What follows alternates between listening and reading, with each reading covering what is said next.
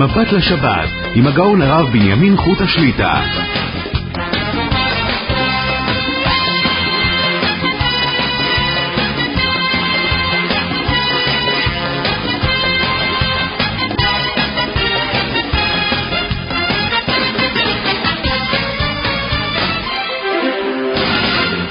שלום וברכה, ברוך השם, נפגשים לשעתיים מבט לשבת, ערב שבת קודש, פרשת תזריע מצורע, ראש חודש אייר, שיהיה לכולם חודש טוב ומבורך. נודה בתחילה לצוות המסור, יורם יצחק וזנה, וכן לאלי בינדר, חפץ השם בידם יצלח להגדיל תורה ולאדירה.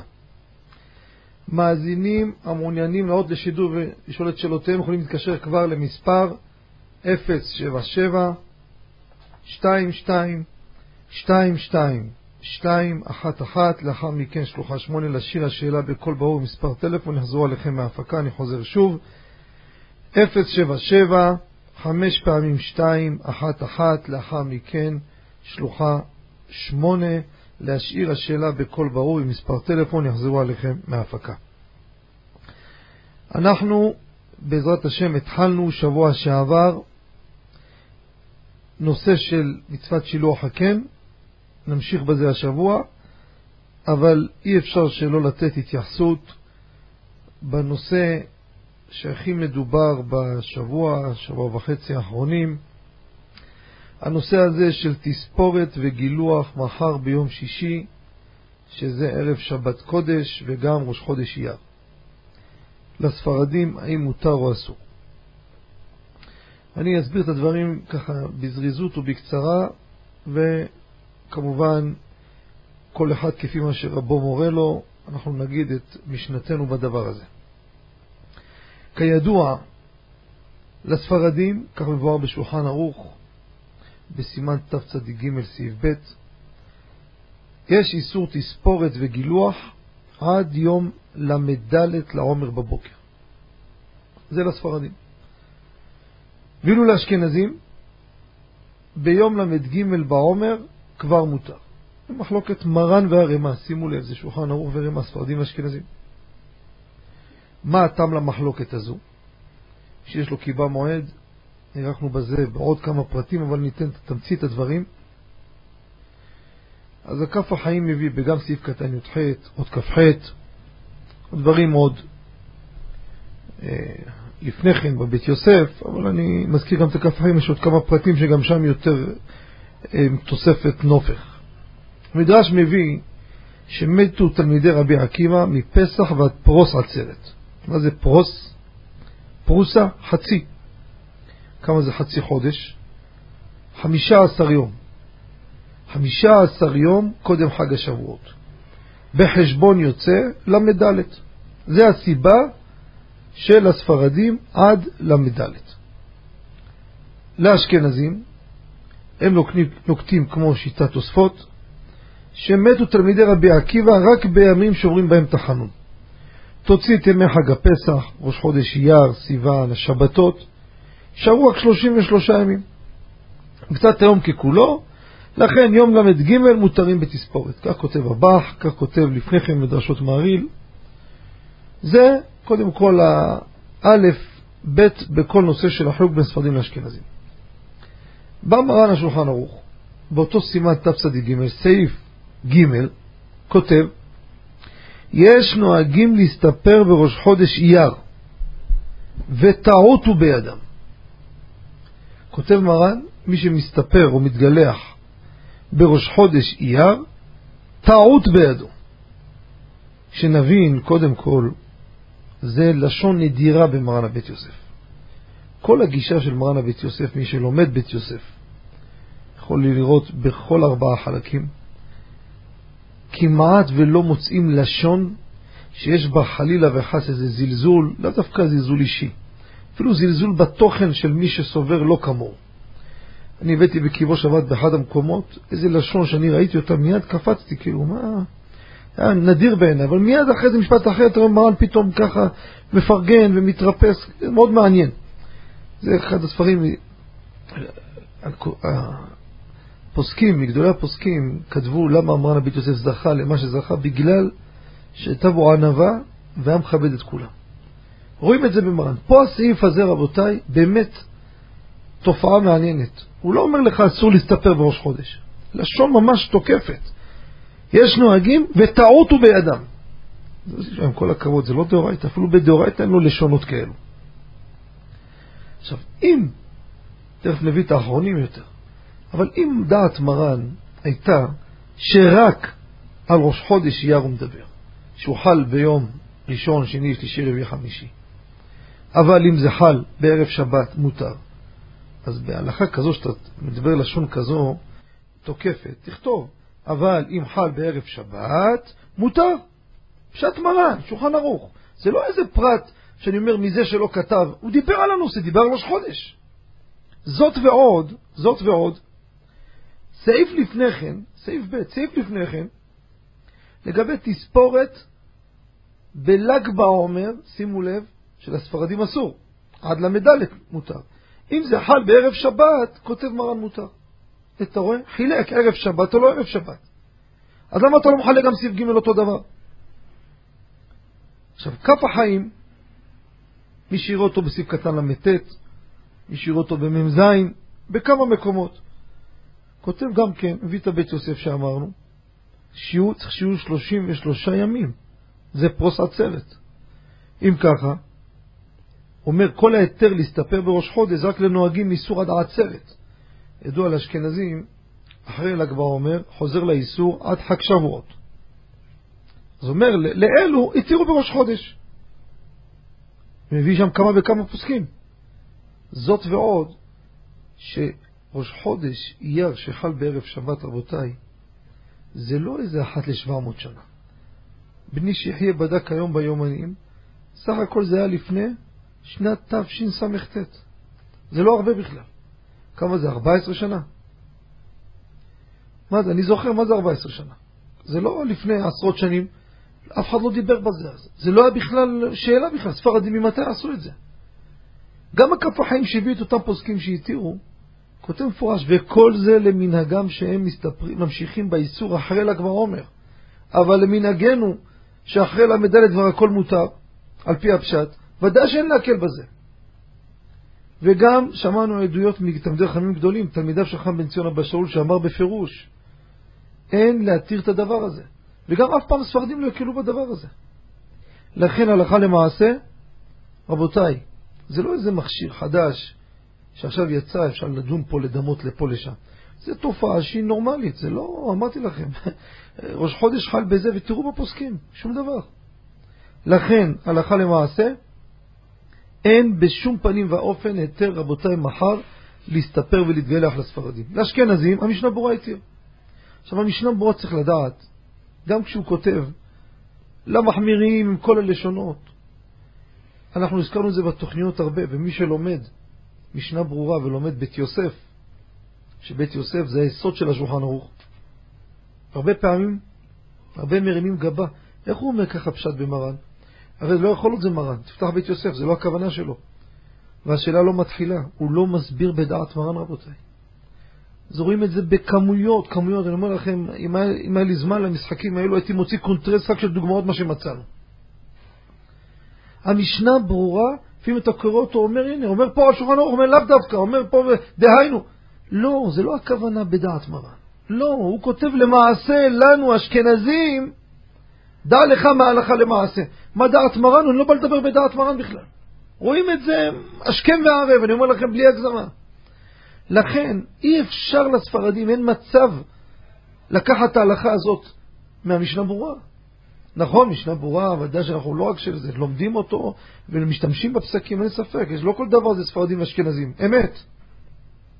אבל פה שיש מרן שולחן ערוך, וההלכה הזאת זה הלכה בדעת מרן, זה מרן ורמה, ספרדים ואשכנזים, פשוט. של הספרדים, עד ל"ד בבוקר אסור להסתפר ולהתגלח. לכן, מכל הראיות האלו והנימוקים, המשנה ברורה זה רק לאשכנזים. אשכנזים רשאים להסתפר ולהתגלח. לספרדים אסור בשום פנים ואופן, רבותיי, וגם אם היה מקום להתיר, אני אומר לכם, דבר שנהגו בו איסור, אתה לא יכול להתיר אותו. תשאלו את המבוגרים, לא צריך זקנים. תשאלו אנשים לפני 15 שנה, זה לא הרבה זמן, 14 שנה. דיברנו עם הרבה אנשים, מי בכלל העלה את הנושא הזה? מי העלה את הנושא הזה? בזמן חכם עובדיה, בזמן כל הזה, לא היה דבר כזה, מי העלה את הנושא הזה בכלל? ספרדים לא מתגחים ומסתפרים. אף פעם לא הקלו בראש חודש. מרן כותב טעות בידם. אז מה קרה פתאום? אי אפשר, רבותיי, לשנות דבר שכולם נהגו. זה לא פשוט. לכן הלכה למעשה, להמשיך להמתין עד ל"ד בבוקר, ואסור לספרדים להסתפר או להתגלח. עכשיו, נעבור לנושא שהתחלנו בו בשבוע שעבר. כדי לדעת כמה וכמה הלכות חשובות בשילוח הקן, כי זו התקופה שהיונות והיונים הם בונים את הקנים, גם התורים, בונים את הקנים שלהם. וזה מצוי מאוד בקיץ עכשיו, ויש הזדמנות לקיים את המצווה של שילוח הקן. צריך ללמוד את ההלכות האלו.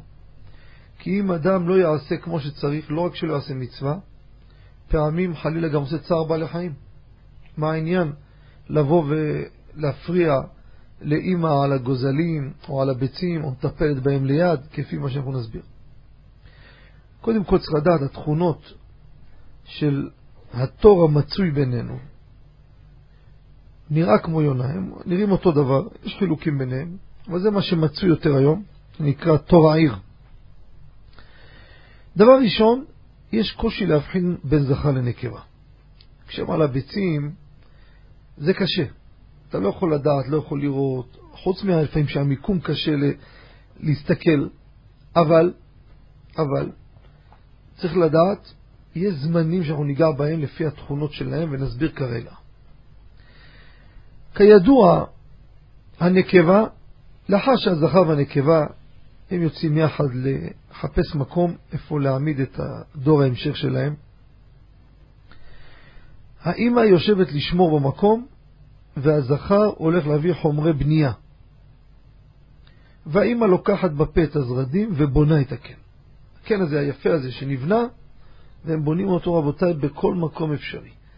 לפני כמה שנים מסרתי שיעור, אני זוכר, באיזה בית כנסת בירושלים, ויהודי יצא באמצע, אמרתי לאן אתה הולך? אומר, תכף אני חוזר.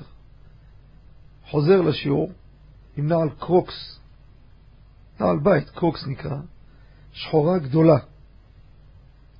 אמרתי, מה קרה לו זה? כולם לא הבינו מה קרה לו. באתי להראות לרב. מה? הוא הסתכל בפנים, מה יש לראות? אני רואה כן בפנים עם ביצים, בתוך הקרוקס. היונה מצאה פינה שקטה, זה לא משנה איפה. כל מקום אתם יכולים לראות, פתאום היונה מקימה כן. ואז, משך בניית הקן, בזמן שהם בונים את הקן, הם לא יהיו בלילה בקן. עכשיו, כשיגיע הזמן שהאימא הנקבה תטיל את הביצה, היא תבוא כשעתיים לפני השקיעה. בלילה הם לא רואים, לא רואים. אחרי השקיעה היא תטיל את הביצה. בערך כשלוש שעות אחרי השקיעה, האמא תטיל את הביצה. בלילה הראשונה היא תטיל ביצה אחת. לילה אחר כך, או שתי לילות לאחר מכן, היא תטיל עוד ביצה. זה הטבע שקודשה ברכו קבע. תמיד היונה או התור, נקבה, תטיל שני ביצים. שתי ביצים. ביצה אחת היא תהיה, ביצה אחת יהיה בה זכר, ביצה אחת תהיה בה נקבה. זכר ונקבה. לאחר שהיא תגמור להטיל את כל הזה, ביצים, בבוקר האמא הולכת והאבא מתחלף במשמרת לרבוץ על הביצים. אבא מגיע בבוקר, האמא מיד הולכת, וככה הוא יושב על הביצים. שימו לב, ביום הזכר יושב על הביצים. בלילה האמא יושבת על הביצים. רואים מפה שרוצים לקיים מצוות שילוח הקן, אנחנו נקיים את זה אך ורק בלילה. פסוק אומר, והאם רובצת על האפרוחים או הביצים, שלח תשלח את האם ואת הבנים תיקח לך. המצווה באמא, לא באבא. וממילא, לפי מה שהסברנו, המצווה תתקיים אך ורק מהערב, מהשקיעה, עד הבוקר. זה הזמן שוודאי זה האימא. עכשיו, עוד דבר מעניין, נשים לב, בימים הראשונים, אחרי שהביצים בקעו והאפרוחים יצאו, הם, האפרוחים, הם לא רואים ולא עפים. אין להם מסכנים, מה זה מסכנים? זה הבריאה שלהם לאט לאט עד שהם מתחילים ככה להתפתח. אז איך הם אוכלים? קודשה ברכו עשה פה חסד בטבע של הבריאה שלהם. חמישה ימים הראשונים, הבורא מייצר חלב בפה של האבא והאימא, והם מקיאים אותו מהפה שלהם לפה של הגוזלים. זאת אומרת, דרך המקור, הגוזלים פותחים את הפה, והם מעבירים להם חלב מהפה שלהם לפה שלהם. למה אני אומר את זה? גם פה יש הלכה חשובה. אם אני בלילה רואה אימא שעכשיו נמצאת ליד הגוזלים ומאכילה אותה, איך היא תאכיל אותם? כשהיא נמצאת לידם, היא לא עליהם. כי זה להעביר מהפה לפה, היא עומדת צמוד אליהם, מהצד, לא עליהם. ומצוות שילוח הקן, אך ורק כשהאימא רובצת על האפרוחים או הביצים. פסוק אומר, והאם רובצת על האפרוחים או הביצים. אז שלח תשלח את האם ואת הבנים תיקח לך. אבל אם היא לא עליהם, אין מצוות שילוח הקן, וממילא מי שמגרש אותה סתם מצער אותה. מה העניין סתם לגרש אותה שהיא מאכילה את הגוזלים? אז הנה עוד נקודה חשובה, לשים לב, כשאפשר רבותיי, לפעמים אין לידינו מגעת לראות, ואז אנחנו באים לבדוק את העניין, ועד שבודקים, כבר האמא בורחת. גם לזה אנחנו צריכים לתת התייחסות. אני אסביר. יש לי פה עכשיו ארגז תריס.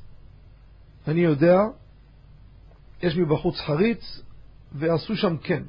יפה, ואני שומע שם את האימא, בלילה על הגוזלים. יפה, אנחנו שומעים את הרעש הכל. עכשיו, אני בא לקיים שילוח הקן. אני לא יודע, אולי עליהם או לידם. איך אני אבדוק? אז מה אנחנו עושים? גם כדי לבדוק, וגם כדי לשלוח אותה, הולכים לפתוח את הארגז תריס. נו, אני פותח את הארגז תריס, עד שאני משחק לפתוח, האמא בום ברחה. איי איי איי, נו, אז איך נעשה? איך נעשה את המצווה? נמצא בחלון של הממ"ד, בגומחה שם, אתה רק מתקרב ונוגע, פק, ברחה. מה עושים? אז רבותיי, צריך לדעת פה הלכה חשובה. כשאני ניגש למקום כדי לשלוח את האימא לעשות מצוות שילוח הקן, אני צריך לכוון, שימו לב, שאם בפתיחת החלון או הדלקת האור בחדר, או פתיחת ארגז התריס, או פתיחת הדלת של המרפסת או חדר שירות לגשת לקן, כל הדוגמאות האלו. אם על ידי הפתיחה או מגע שאני אעשה מסביב, האמא תברח, שימו לב, אני מכוון מראש שכל ההתעסקות מסביב, שהיא תגרום לה לעוף, שזה יהיה לשם מצוות שילוח הקן. שאם לא כן, יש פה כוונה שאתה מתכוון הפוך. אני מתכוון לפתוח, ואז לראות, ואז לקיים מצווה. זאת אומרת, בפתיחה אתה מתכוון לא לשם מצווה. וממילא אם היא תברח, אז הפסדת, מה עשינו? לכן אני אומר דבר כזה, לא, אני מכוון שאם היא תברח בפתיחה, או כל פעולה צדדית, שזה יהיה לשם הברחתה. וממילא שלח תשלח את האם, לא חייב דווקא לתפוס ביד ולהעיף אותה. נתן מכה במקל ליד, הרעיש, הדליק את האור והיא ברחה, זה נקרא ששלחת. וממילא אם אתה מתכוון לא עכשיו לשלוח, אלא עוד מעט, אז היא ברחה, הפסדת. אז תכוונו שבכל התעסקות מסביב, לפני שאני מגיע לפעולה שאני מתכנן לעשות, אם היא תעשה, המצווה, זאת אומרת, הפעולה של שליחת האם תיגרם על ידי פעולה שעשיתי, שתהיה לשם מצווה, וממילא קיימתי מצוות שלח תשלח את האם. שים לב לדבר הזה, רבותיי. הנה, על פי התכונה והמציאות שהקיימת, גם הנתון הזה היה חייב להיות בשיקול, כמו שאמרנו. יפה. עכשיו, אחרי חודשיים, מה זה חודשיים? הביצים בקעו, אחרי שבעה ימים האמא כבר לא נשארת איתם. מתחילים לגדול, לגדל את עצמם, מדי פעם מביאה להם אוכל. אחרי שישה עשר ימים, למדת אותם לעוף. שימו לב, לאחר חודשיים משפרחו הזכר והנקבה, חודשיים לא הרבה, נותנים להם להיות סך הכל ילדים שעשועים, לא הרבה זמן. הם מתחילים לבנות כן לעצמם. זה הזכר והנקבה, הם זיווג מבטן ומלידה. שימו לב, אין שידוכים מבחוץ. אתם מבינים מה זה אומרים לחתן וכלה? שתהיו זוג יונים? כאילו חושבים זוג יונים, הכוונה הוא יעוף לפה והיא תעוף לשם. זה לא הכוונה. זוג יונים שאתם מבטן ומלידה כבר זיווג. אין מציאות אחרת, אין כיוון אחר בכלל. עכשיו ישאל השואל, אם זה הזיווג, אז מה קורה אם חלילה ביצה אחת התרסקה, או גוזל אחד מת? האם הבן זוג תקוע בשידוכים עד יומו האחרון? אם אתה אומר שכל הזיווגים מבטן ומלידה, אם מבטן ומלידה, בשני ביצים שיצאו, בשתי ביצים, ביצה אחת התרסקה, האם השני גמרנו? אם זה זכר או נקבה יהיו תקועים כל ימיהם? לזה רבותיי, יש בעל הטורים, רבי יעקב הבן של הראש, יש לו פירוש על התורה. אתם מכירים בחומש בבית כנסת, בעל הטורים. תשמעו איזה חידוש גדול הוא אומר. מתוק מדבש. הוא שואל שאלה יפה. אומר ככה, כל מקום בקורבן שמביאים תורים או בני עונה, איך הפסוק אומר? ולקחה שתי תורים או שני בני עונה. עוד פעם, אישה יולדת צריכה להביא קורבן ולקחה שתי תורים או שני בני עונה אחד לעולה וכו', כל, כל מקום לפי העניין. מה התורה מזכירה קודם? תורים, ואחר כך מזכירה מה? יונה.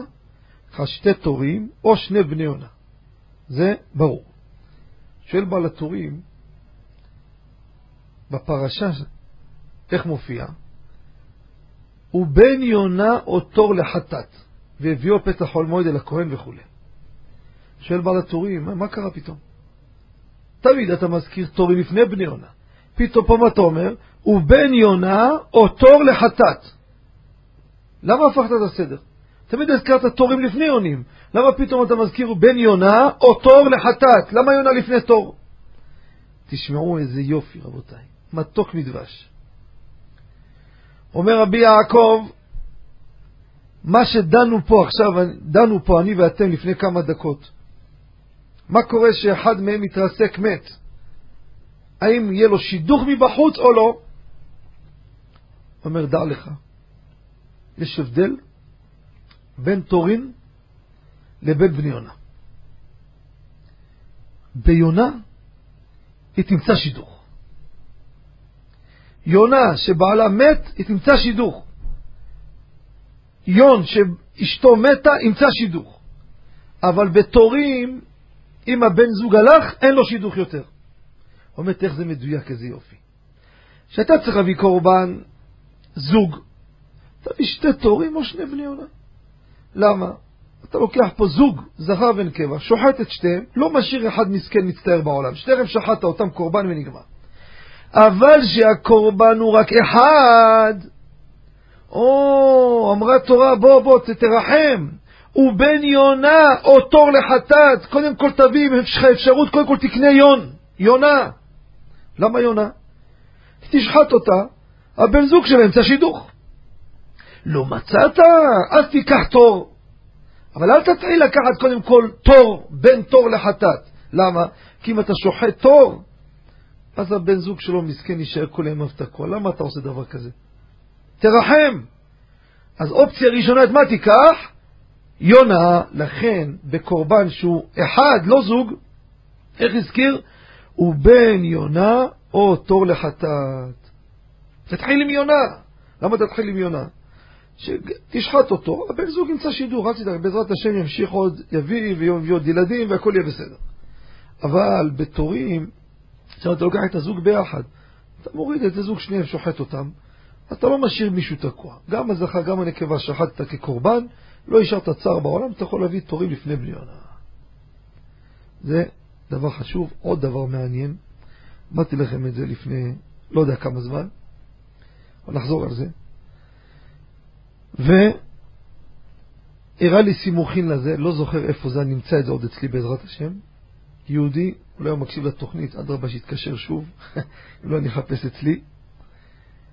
אה, הייתי בשיעור באשדוד לפני כמה שנים, וקם יהודי אחד, אני זוכר, אמר לי, הוא מגן יבנה, ואחרי זה שלח לי במייל מקור, נהניתי מאוד, אבל אני אגיד לכם מה, מה, מה, מה התחדש. יש יהודי מבוגר, שמיתן לו רפואה שלמה ואיכות ימים, זקן מאוד, גר בדימונה. קוראים לו רבי יוסף עמר. היהודי הזה היה פה בארץ שף בכמה בתי מלון, יהודי עם הרבה חוכמת חיים. אני הייתי נוסע לשבתות בדימונה, אז הכרתי אותו מהשבתות שאני מגיעים, בין השיעורים מדברים, החכמתי ממנו הרבה. לפני שנים שנים, דיברנו על שילוח הקן, והוא פתח את הפה שלו, והיה מפגיז ידיעות שנהייתי בהלם. אמרתי לו, מה לך ולזה? אז הוא אמר לי, תשמע, אני באתי ממרוקו, העליתי איתי, באתי באונייה, הבאתי את היונים שלי. תבין איזה חיבור היה לי ליונות. הוא אומר לי, עכשיו איזה יונה באוויר תהיה, אני אגיד לכם זכר או נקבה. ממש מומחה אמיתי.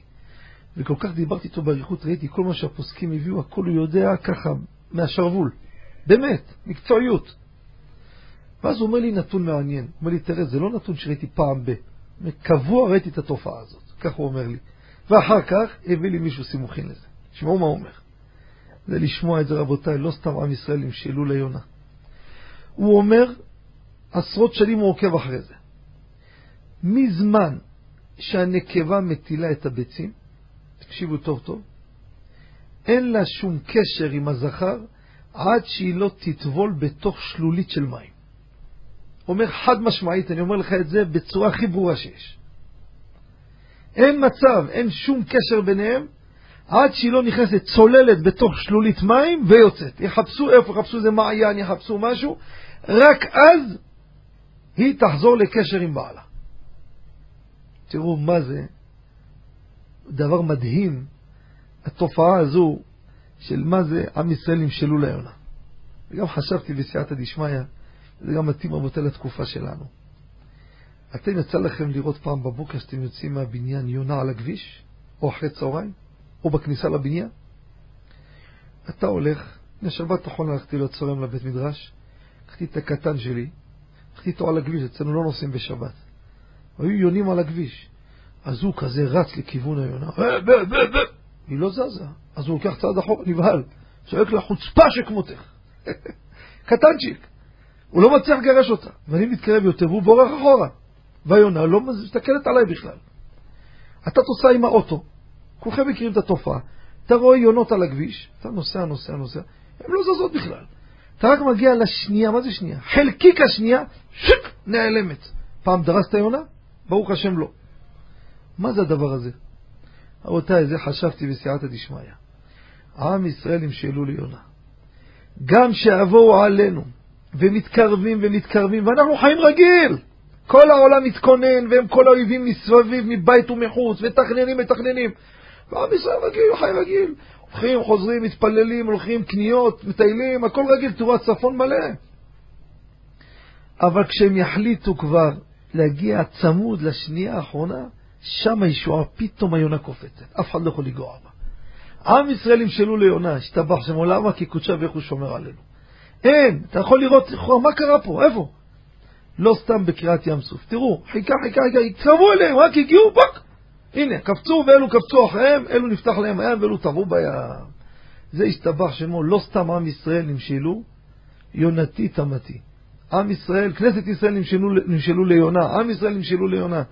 וזה חלק מהתכונות המיוחדות שאנחנו רואים פה. זה היופי, גם בקדושה של היונים, ידוע שהנשמות שבאות לכותל, למה כתוב בספרים, אומר שהרבה יונות בכותל, תראו תמיד, נשמות מגולגלות. ידוע. שהרבה נפטרים צדיקים באים בגלגול ביונות. למה הדבר הזה? עם ישראל זה משול, משול ליונה. עכשיו ברוך הוא אומר לעם ישראל, יונתי, תמתי וכולי, כמה פעמים חוזר על המילה יונה? לא סתם יונה. כמו שהסברנו את התכונות שלהם. אז גם למדנו פה את התכונות שלהם עם כמה הלכות בשילוח הקן, יש לנו עוד מה ללמוד, כן, בעזרת השם. שבוע הבא נמשיך, וגם למדנו פה עוד נקודה, עידוד ומוסר גדול. גם אפילו חרב חדה מונחת על צווארו של אדם לא ימנע עצמו מהחיים. מה זה חרב חדה? והגיע, הגיע, הגיע, נו, נו, נו, אל תדאג, אתה קופץ, בחלקיק שנייה האחרון אתה קופץ, ואף אחד לא יכול לגוע בך. כמו היונה הזאת עם האוטו, אתה נוסע על 80, 90. יונים, יונות חופשי ברצפה, אוספות פירורים, אתם לא מפחדים? שיער חופשי, אל תדאג. תגיע אלינו לחלקיק, פתאום בזק, נעלמים בכזו מהירות, לא הצלחת לגוע בהם, לא רק לפגוע בהם, לגוע בהם לא הצלחת. זה רבותיי, עדות גדול לתקופה הזו, אנחנו צריכים לחיות את הדברים האלו. בסדר, אנחנו, אה, בעזרת השם, בלי נדר, אה, אתם יודעים, יום רביעי הבא עלינו לטובה, זה יום חופש. יום חופש. אנשים במשק לא עובדים. נכון, יוצאים לטייל, יוצאים על האש גם, אבל אתם יודעים, זה בדוק כמו שאני אומר. לא דומה סטייק אחרי 4-5 שעות של תורה לבין סטייק שהוא לא בא אחרי שיעור תורה. וברוך השם, כל הארץ, רבותיי, בן פורת יוסף, עושים שיעורי תורה מהבוקר עד הלילה. לנצל את היום הזה. אנחנו לא נספיק להקריא את כל המקומות שנהיה, אבל תעקבו במודעות. יום רביעי הבא עלינו טובה, גם יום שלישי בלילה. יהיה השנה נושא מעניין, שייתן לאנשים כלים בלימוד ההלכה, אה, כמה טיפים חשובים, אז בעזרת השם, מי שרוצה לראות לשידור יכול להתקשר כבר למספר 077, 5 פעמים 2, 1, 1, לאחר מכן שלוחה 8, לשיר השאלה בקור מספר טלפון, נחזור עליכם מההפקה, נצא להפסקה, מיד נשוב עליכם, בבקשה. אתם מאזינים ל"מבט לשבת" עם הרב בנימין חוטה. שבנו מהפסקה, לפני שניגש למאזין, ניתן שוב את הטלפון למאזינים 077 22 22 211 לאחר מכן שלוחה 8 לשיר השאלה בכל ברור מספר טלפון, יחזרו עליכם מההפקה. שלום וערב טוב למאזין. מאזין איתנו? ש... שלום הרב, הרב שומע? שלום עליכם. אה, קודם כל רציתי להגיד לרב תודה רבה על כל התוכנית, זה מאוד יפה. וגם על הספרים אני באתי לחדה, אני קורא בהם הרבה ומאוד נהנה. תודה רבה. והרב רציתי לשאול לגבי וקרא זה לזה ואמר, שאומרים בקדושה. אני רואה כן. כל אחד שחלק קוראים קודם לימין ואחר כך לשמאל, חלק קוראים קודם כל לשמאל ואחר כך לימין. מה, מה צריך לעשות? יפה. שאלה חשובה מאוד שואל פה המאזין לגבי אמירת וקרא זה אל זה ואמר. איך אנחנו, לאיזה כיוונים מזיזים את הגוף שלנו. בשו"ת רבבות אפרים, חלק ג' סימן ס"א, גם בחלק ה' סימן ס"א, הוא כותב לפנות לימין תחילה. חלק ו' חזר בו. כן, לדעתו לא. כמו עושה שלום, עושה שלום עם רומה מתחילים משמאל, תתחיל משמאל. למה? כמו שאומר המגן אברהם והתז, בסימן קכ"ג, שמאל האדם הוא לימין השכינה שכנגדו. אז לכן תתחיל משמאל שזה ימין של השכינה. אבל תראו באליבא דהלכתה חלק א' סימן י"ב הבאנו בזה, אז אני זוכר גם עקבתי וגם אחרי זה עקבתי אחרי מרן רבנו עובדיה שהוא תמיד נהג לעשות ימין ואחר כך שמאל, אחר כך לאמצע וקרא זה לצד ימין אל זה לצד שמאל, ואמר זה לאמצע. גם שאלתי את ידידי רבי צבי חקק, אמר לי שגם הוא זוכר כך. מי שיראה ספר שיבת ציון של הגאון רבי בן ציון מוצפי, חלק ב' עמוד קט"ז, מביא שכך נהג גם חכם סלמן מוצפי. מי שיראה שאלות ותשובות של הגאון הגדול, בעל יצחק ירנן, רבי יצחק ברדה, שליטה, חלק ז', סימן י', מביא בשם ראש הישיבה, הגאון הגדול רבי מאיר מזוז שליטה, גם הוא נוהג ככה, כפי סדר המלאכים. זה לא עניין כלפי השכינה, אתה צריך להתנהג כמו מלאך. הרי קדוש, קדוש, קדוש, זה מה שהמלאכים אומרים.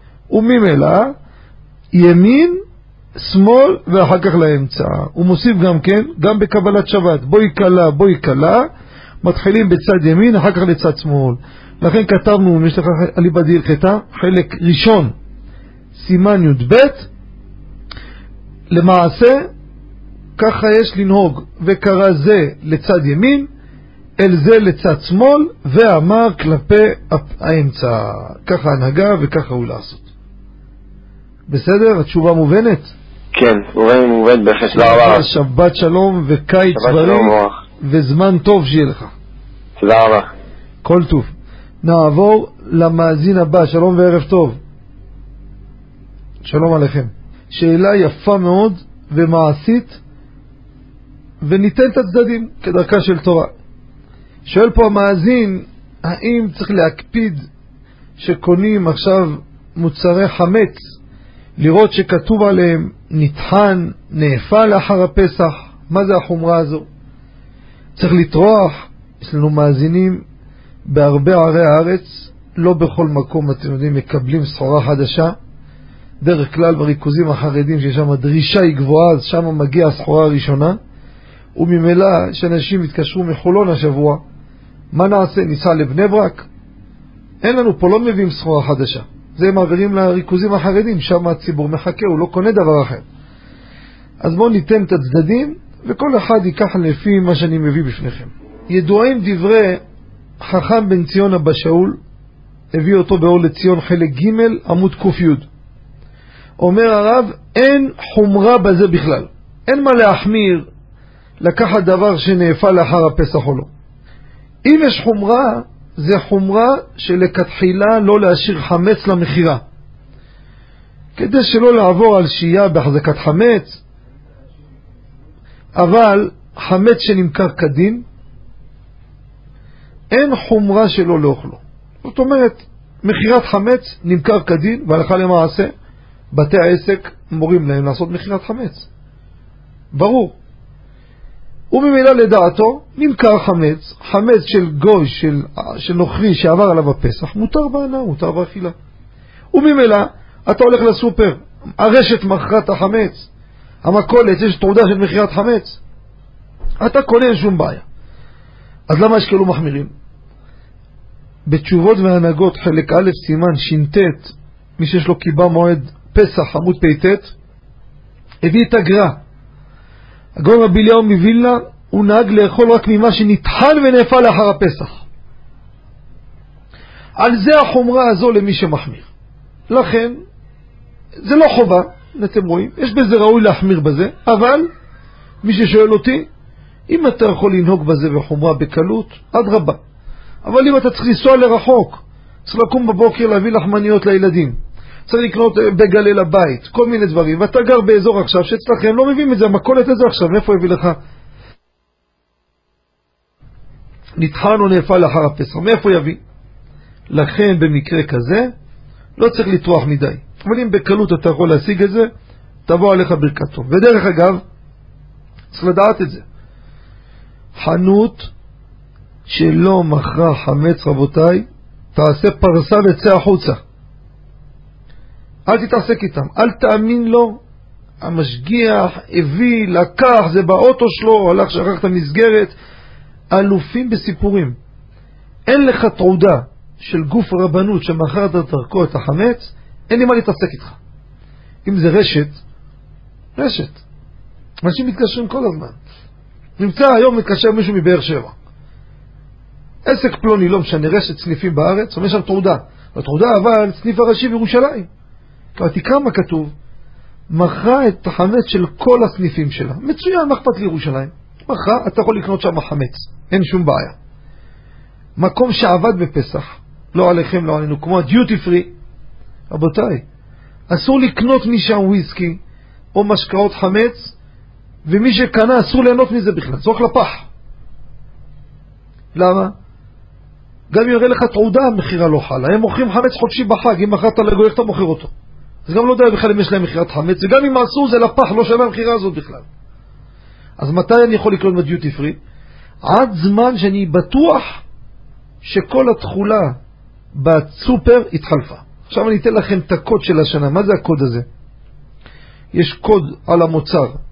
אם אתם תראו את הקוד, השנה הקוד הוא מתחיל ככה: שלוש,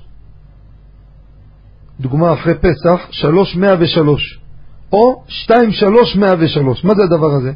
שאני אומר לכם 3, ספרה ראשונה 3, או 2, 3, זה הכוונה 2023, זה השנה. מה זה 103?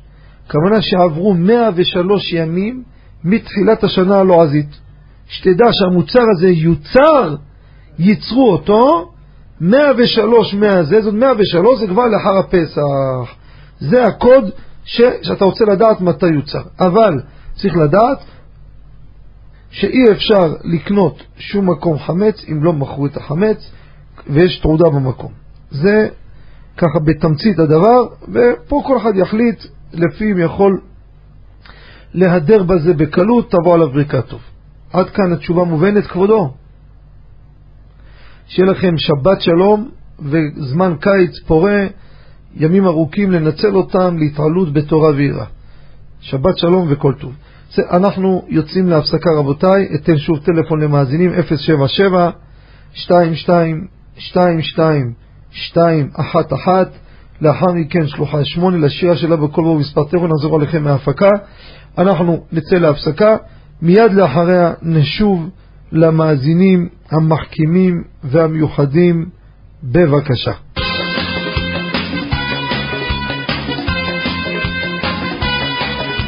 מבט לשבת עם הגאון הרב בנימין חוט השליטה.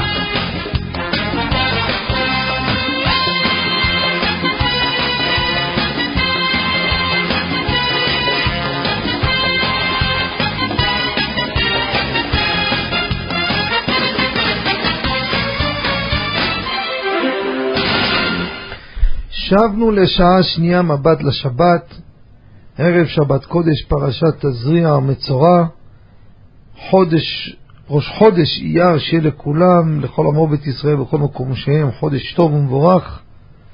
נודה שוב לצוות המסור יורם יצחק וזנה, וכן אלי בנדר, חפץ השם בידם יצלח להגדיל תורה ולאדירה.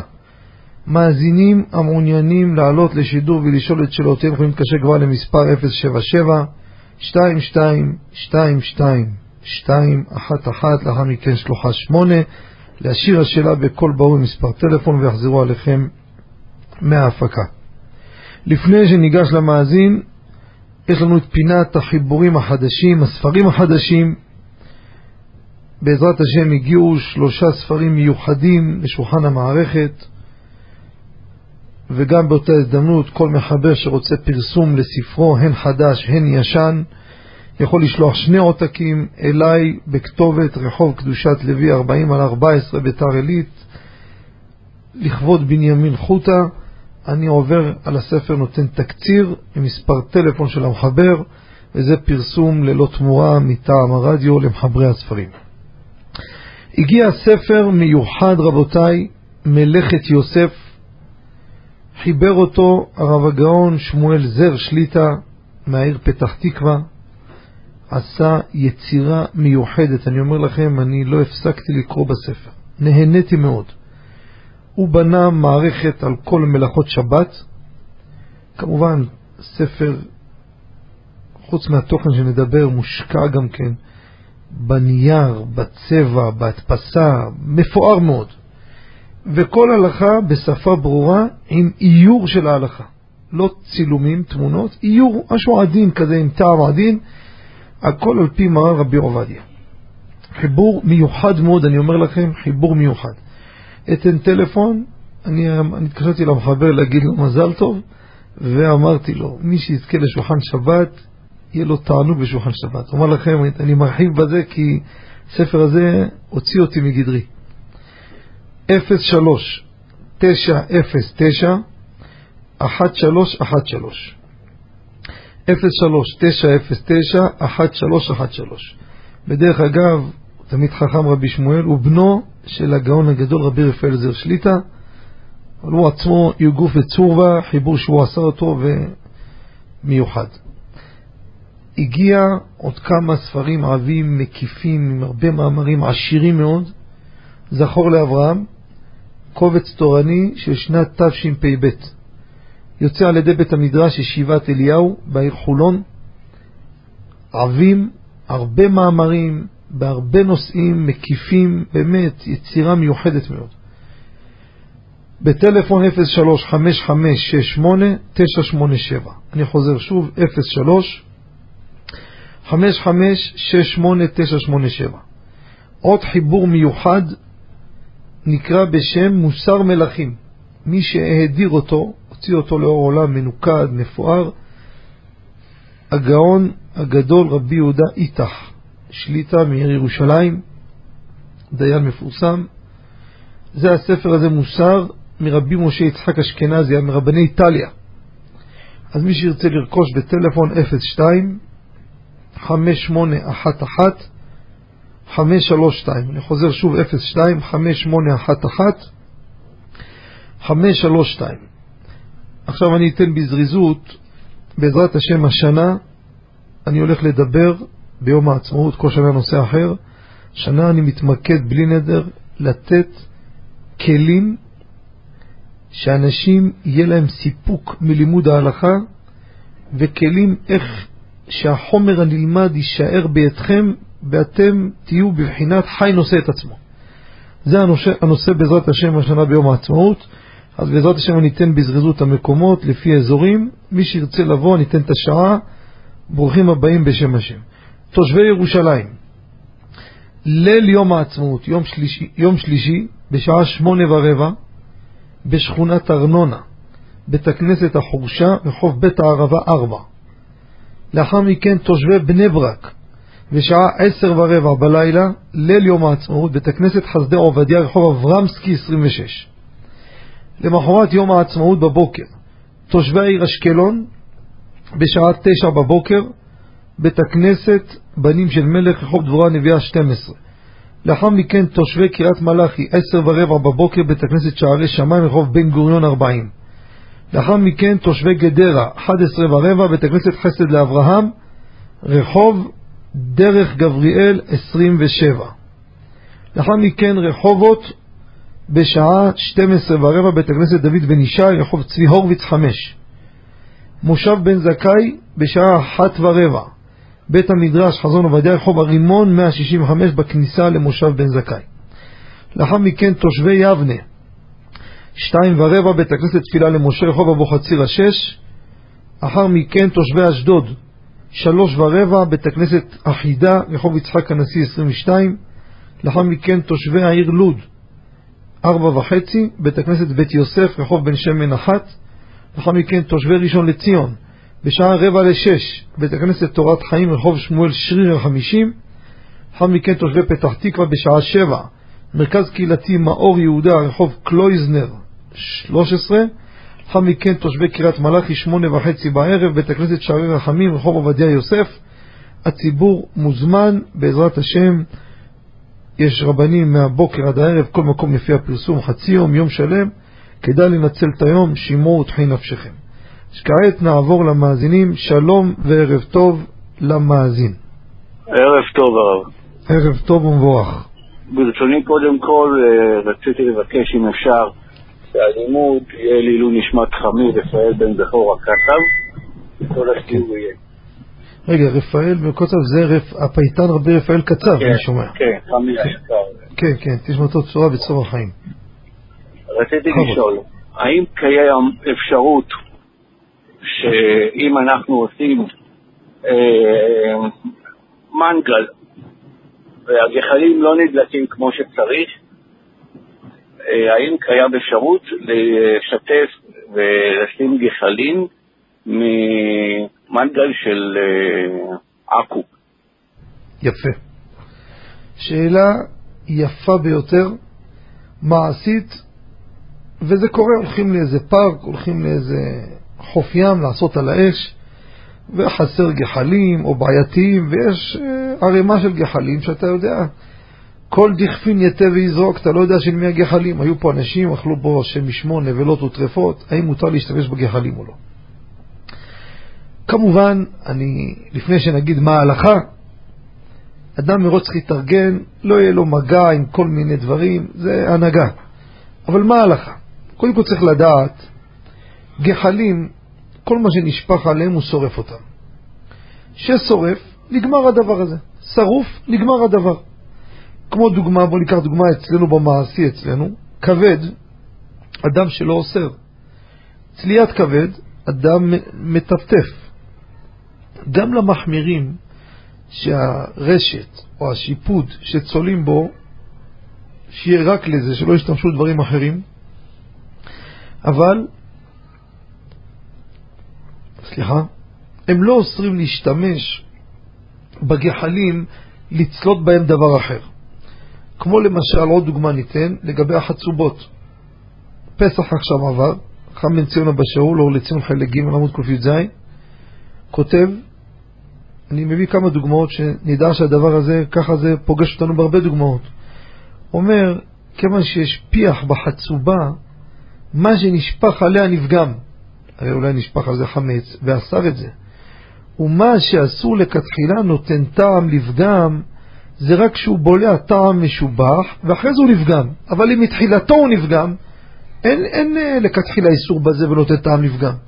אם זה נשפך על החצובה, והיה שם פיחם, פיח, כל מיני דברים שרופים על החצובה, אז כבר הוא בלע אותו פגום. זה לא שהיה שבח ונפגם לאחר מכן. בזה אפילו לכתחילה מותר. גחלים זה אותו דבר. מה שנשפך במקום בתוך הפחם, בתוך הגחלים, הוא נפגם וגם נשרף. אותו דבר הבאנו קיבה מועד. אדם רצה בפסח לקחת גחלים, לעשות בהם על האש. אבל מה זה גחלים האלו? גחלים האלו זה העצים ששרפו בהם חמץ, בבדיקת, בשרפת חמץ. שרפו בזה חמץ. הלכה למעשה, מי שיראה את הנושא כלים בסימן תמ"ה, תראו קיבה מועד פסח חלק א' עמוד ע"א, מותר. חמץ עצמו שנהיה גחל, הוא עצמו חמץ, כל מיני חמץ שנשרף ונהיה גוש, זה אסור ליהנות ממנו. אבל העצים ששרפו בהם חמץ, אין בזה בעיה. לכן הלכה למעשה מעיקר הדין, אי אפשר לאסור גחלים בשימוש. גם בשאלות ותשובות אערוך שולחן, כך קוראים לו הרב טבריה, סימן י"ב, גם מתיר וסיף עוד סברה, כל טיפה, כמה כמה בטיל, זה מתבטל בגחלים. ולכן הלכה למעשה, אם אתה צריך גיבוי מגחלים בחוץ, מותר לקחת אותם, לשים אותם בתוך המנגל שידליק לך את הגחלים, ואין בזה איסור מעיקר הדין. לא משנה מה היה איתם, כל מה שהיה נשרף, התבטל, כבר נהיה פגום, ואין בו איסור. ככה בפשטות מעיקר הדין. יישר כוח לכבודו, שיהיה לכם שבת שלום וקיץ בריא. ברוכים תהיו. נעבור למאזין הבא, שלום וערב טוב. שלום, שלום.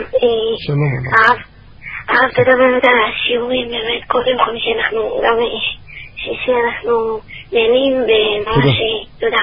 אני רוצה לשאול, אדם שהוא נעשה חצי גוף משותק, האם מותר להעלות אותו בשבת עצמה, לא בליל שבת, במעלית, כדי לסעוד איתו סעודת שבת? עוד פעם, תחזרו על השאלה.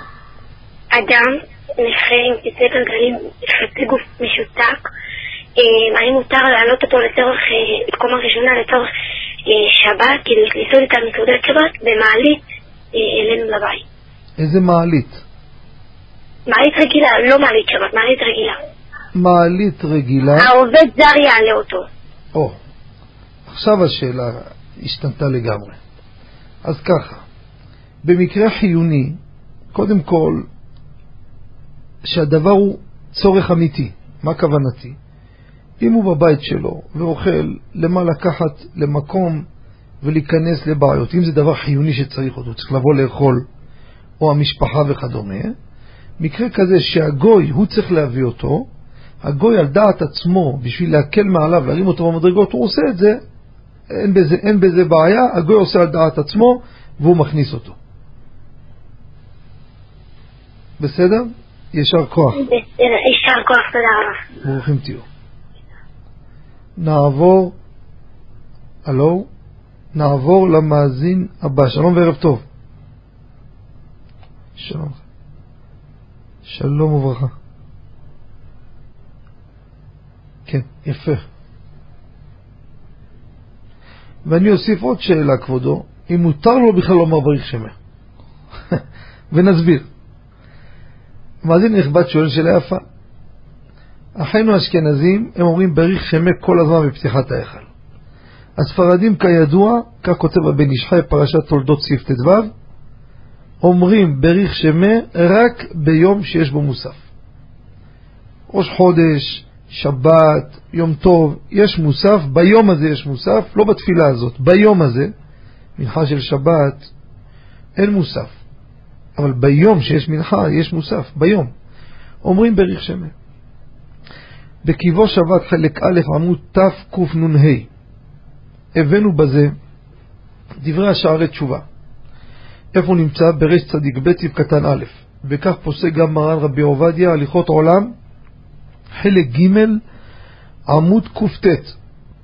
כותב, הרוצה גם ביום חול לומר בריך שמה, רשאי. אשכנזים, כך מביא המשנה ברורה ברש פ"ב סעיף קטן א', הם נוהגים לומר בריך שמה, בין ביום חול בין בשבת, כמו שאמרנו. ספרדי שרוצה לומר גם ביום חול, רשאי. לכן לאו דווקא נמצא עם אשכנזים. הוא עכשיו רוצה לומר בריך שמה, יש לו זמן, יש פה מישהו שעושה פה מי שברך באריכות, יכול לומר את זה. קטע זוהר, חובה זה לא חובה, ולכן, אם אתה רוצה בזמן הזה להניח תפילין דרבנו תם, מותר לך. אין פה בעיה של פורש מהציבור בדבר שאין בו דרך ארץ. מה כוונתי? מגן אברהם מביא, אם שומע את הציבור שאומרים עלינו לשבח. כמה דוגמאות הביא, שחלקם לא נוהגים ככה, כן? יש כמה דוגמאות, שיאמר עמהם את מה שהם אומרים. בזה לא נאמר הדבר הזה, לא מצינו, אפילו מה שנאמר, חלק מהדברים גם לא נהגו. לא נוכל להעריך כרגע את כל הפרטים האלו. בעזרת השם נחזור ללכות תפילה, נגיע גם לזה. ולכן הלכה למעשה אתה רשאי להניח תפילין, אתה רוצה לומר בעיר שמה, גם כן אתה רשאי, אבל זה לא חובה. יישר כוח לכבודו, שיהיה לכם שבת שלום וקיץ בריא. כן, נמצא איתנו מאזין על הקו? לא. שלום וערב טוב. שלום עליכם כבוד הרב. שלום וברכה. שלום עליכם.